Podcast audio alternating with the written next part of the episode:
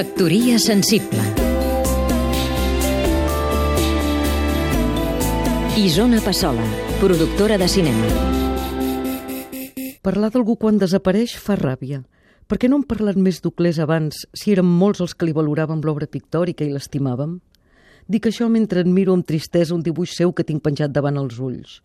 Un home i una dona nus al caire d'un precipici. Ell toca una flauta, ella és a punt de fer-li una fal·lació.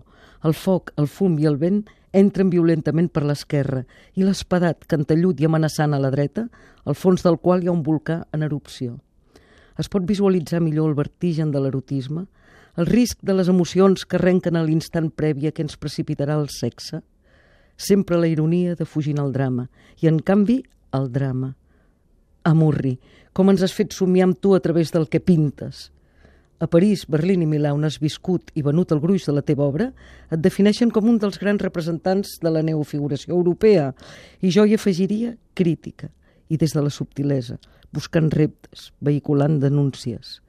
Si tinguéssim encara el Centre d'Art Santa Mònica en la línia de reivindicar allò nostre més universal que el definia, l'Altaió de ben segur t'hauria dedicat una gran exposició. Ara no sé qui ens podrà compilar la teva immensa obra escampada pel món per sentir-te complet – et manllevo unes paraules que vas dir a la mostra El seny i la rauxa, a la Pompidou.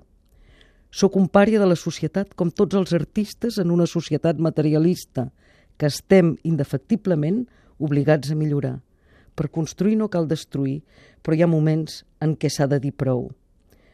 Paraules presagi de la situació col·lectiva del país i la cultura que tan bé vas difondre arreu.